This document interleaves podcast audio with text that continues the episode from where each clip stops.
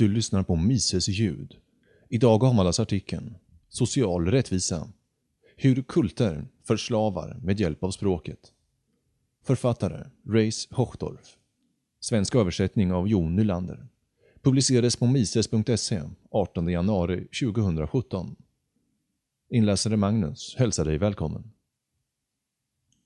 För nästan tre år sedan skrev jag i artikeln “The Tyranny of Fundamentalist Language” hur religiösa grupper på ytterkanten lyckas förslava sina följare genom att skapa ett språk och ett ordförråd som förstärker känslan av att det är vi mot dem. Jag hade nyligen lämnat min uppväxts evangeliska kyrka och jag ville sammanfatta, så gott jag kunde, varför det är så svårt att nå fram till individer som är en del i dessa ultrakonservativa religiösa grupper. Till min stora glädje mottogs min artikel väl. Många svarade mig med berättelser om nära och kära som fastnat i grupperingar som kan betecknas som kulter, eller åtminstone uppvisade kultliknande beteenden. En familjemedlem till en av dem som dog i Waco-belägringen mejlade mig och uttryckte sin tacksamhet för att jag hade satt ord på känslor som den burit i över två årtionden. Naiv som jag är trodde jag att nu när jag har tagit mig ur min egna konservativa, evangeliska kontext, så skulle jag inte längre behöva oroa mig för grupper som använder språk för att kontrollera människor. Men under de tre år som har gått sedan jag skrev min artikel har jag tyvärr lagt märke till att språkets mästrande funktion inte enbart används av religiösa fundamentalister. Deprimerande nog blir det allt vanligare även inom de sekulära, så kallade liberala grupperingarna. Ta University of Tennessee som exempel. Där trycker administratörer på att ersätta pronomen som han och hon med neutrala pronomen såsom xe, xym och xyr. Studenter vid Columbia University vill införa triggervarningar för klassiska verk såsom Ovidus metamorfoser. Men en feministisk blogg protesterade mot detta förslag eftersom ordet triggervarning i sig självt triggar och kan leda in tankarna på avtryckare på handelsvapen. Vid Berkeley protesterar studenter mot undervisningen av Platos och Aristoteles läror. Det var nämligen ekonomiskt privilegierade vita män. Den årliga uppsättningen av vaginamonologerna ställdes in vid Mount Holyoke eftersom kön är en vidsträckt och omfångsrik upplevelse som inte enbart kan avgränsas till biologiska och anatomiska kännemärken. Därför är pjäsen reduktionistisk och exkluderande. I universitetstidningen Harvard Crimson argumenteras det i en artikel att det är frestande att fördöma frustrerande begränsningar inom akademiska studier, såsom inskränkningar av den akademiska friheten. Men jag skulle vilja uppmuntra studenter och akademiker att istället använda ett rättviseramverk. Om vi ger upp vår överdrivna tillit till den akademiska frihetens doktrin kan vi snarare börja överväga vad som faktiskt är rättmätigt. Artikeln går sedan över i det isande uttalandet. Om vårt universitet verkligen motsätter sig rasism, sexism och heterosexism, varför ska vi stå ut med akademisk frihet om det resulterar i forskning som går tvärt emot våra mål? En nyligen avslutad opinionsundersökning fann att 40% av alla vuxna är för lagstiftning mot okänsligt språk. Statistiken är skrämmande, men för att sätta det i perspektiv 40% av alla amerikaner är kreationister. Men precis som inom religiös fundamentalism handlar det inte bara om att censurera språk. Det handlar även om att skapa ett nytt språk. Sekteristiska grupper deltar inte i idéernas marknad. Varför inte? Marknader är öppna platser och på idéernas marknad kan vem som helst utmana dig om du pratar strunt. Sekteristiska grupper ringar in sig. De utvecklar sina egna gemenskaper sina egna bubblor, sina egna stängda marknadsplatser, där deras idéer konstant förstärks och aldrig utmanas. Logiska resonemang kan omöjligen finna sin plats i dessa sammanhang. Därför behövs nya regler. Nytt språk. Sekteristiska grupper deltar fortfarande i samhällsdebatten. Men det är ett ensidigt engagemang. De är inte ute efter debatt. De är ute efter nya lärjungar. Låt oss gå igenom några exempel på hur sociala rättviseligan har använt lingvistiska konstruktioner.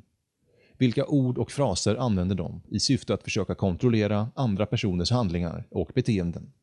Här är några exempel. passera som vit. När en person som är med i en minoritetsgrupp yttrar en åsikt som går på tvären mot den offerberättelse som det sociala rättvisegänget säljer. En person som utmanar denna berättelse passerar som vit. Andra varianter är Uncle Tom, om den oliktänkande är svart, eller helt enkelt rasförrädare, om den tillhör någon annan ras. Internaliserad misogyni.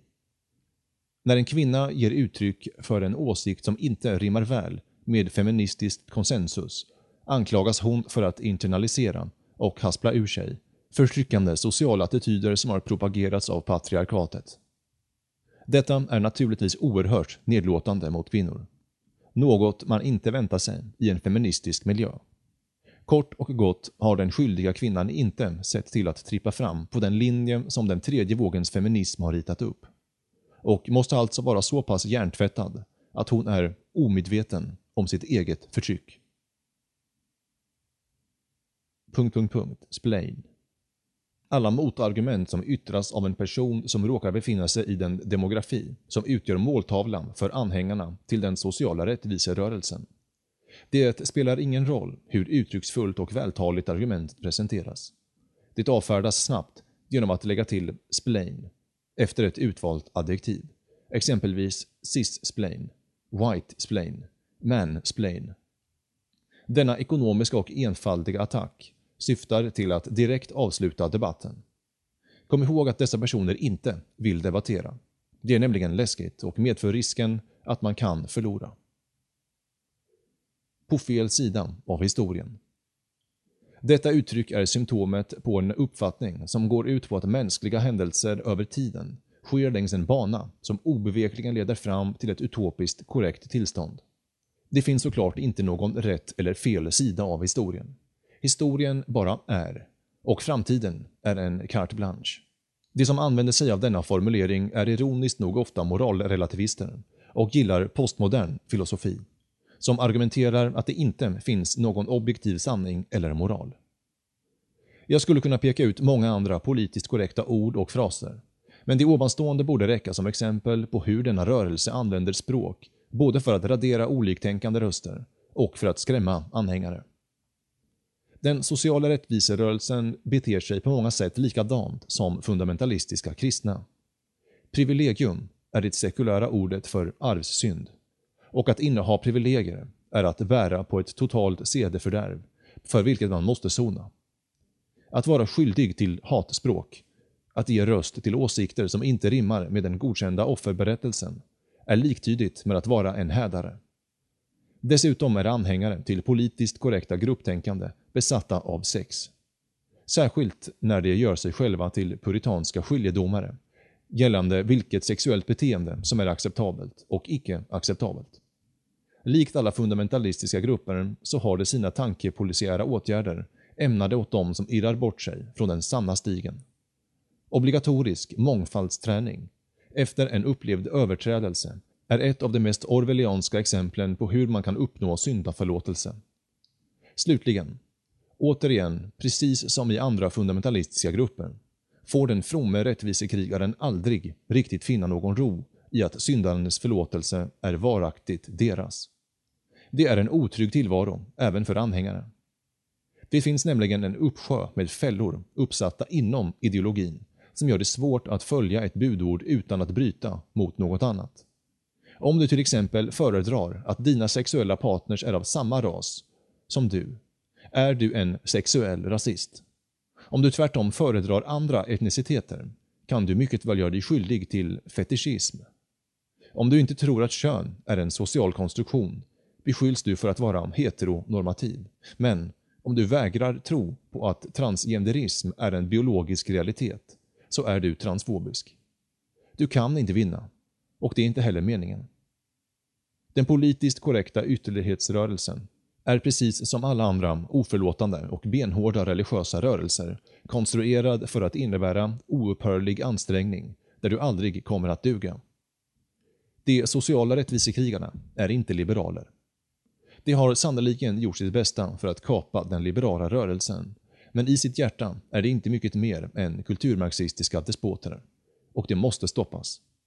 Det finns inget snabbt sätt att göra det på, men det är inte ett olösligt problem.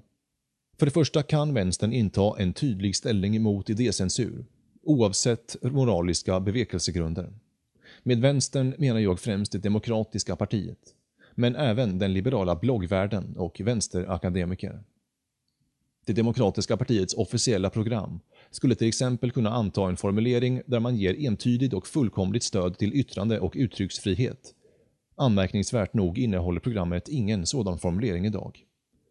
Demokrater på universitetet skulle kunna protestera emot vänsterns försök att bannlysa konservativa föreläsare. Oavsett hur det görs måste vänstern vara oerhört tydlig med sitt stöd för det fria ordet, oavsett hur vidriga orden må vara. För det andra kan vi öppet namnge och förlöjliga individer och publikationer som förvränger andra människors idéer och som försöker tabubelägga vissa åsikter. Som tur är sker detta redan i viss mån med hjälp av liberaler som Dave Rubin, Sam Harris, Nick Cohen och Ayan Hirsi Ali. Det utmanar den regressiva vänstern. Det finns säkerligen andra sätt att bemöta denna undergruppering av vänstern, vars giftiga attityder sprider sig som en cancer inom den moderna liberalismen. Tills dess vill jag uppmana alla de som är fångade i denna sekulära fundamentalism att göra samma resa som jag gjorde för några år sedan. Lämna din destruktiva ideologi. Förkasta de falska berättelser och omfamna den sanna liberalismen som värdesätter upplysningens principer, social frihet och yttrandefrihet.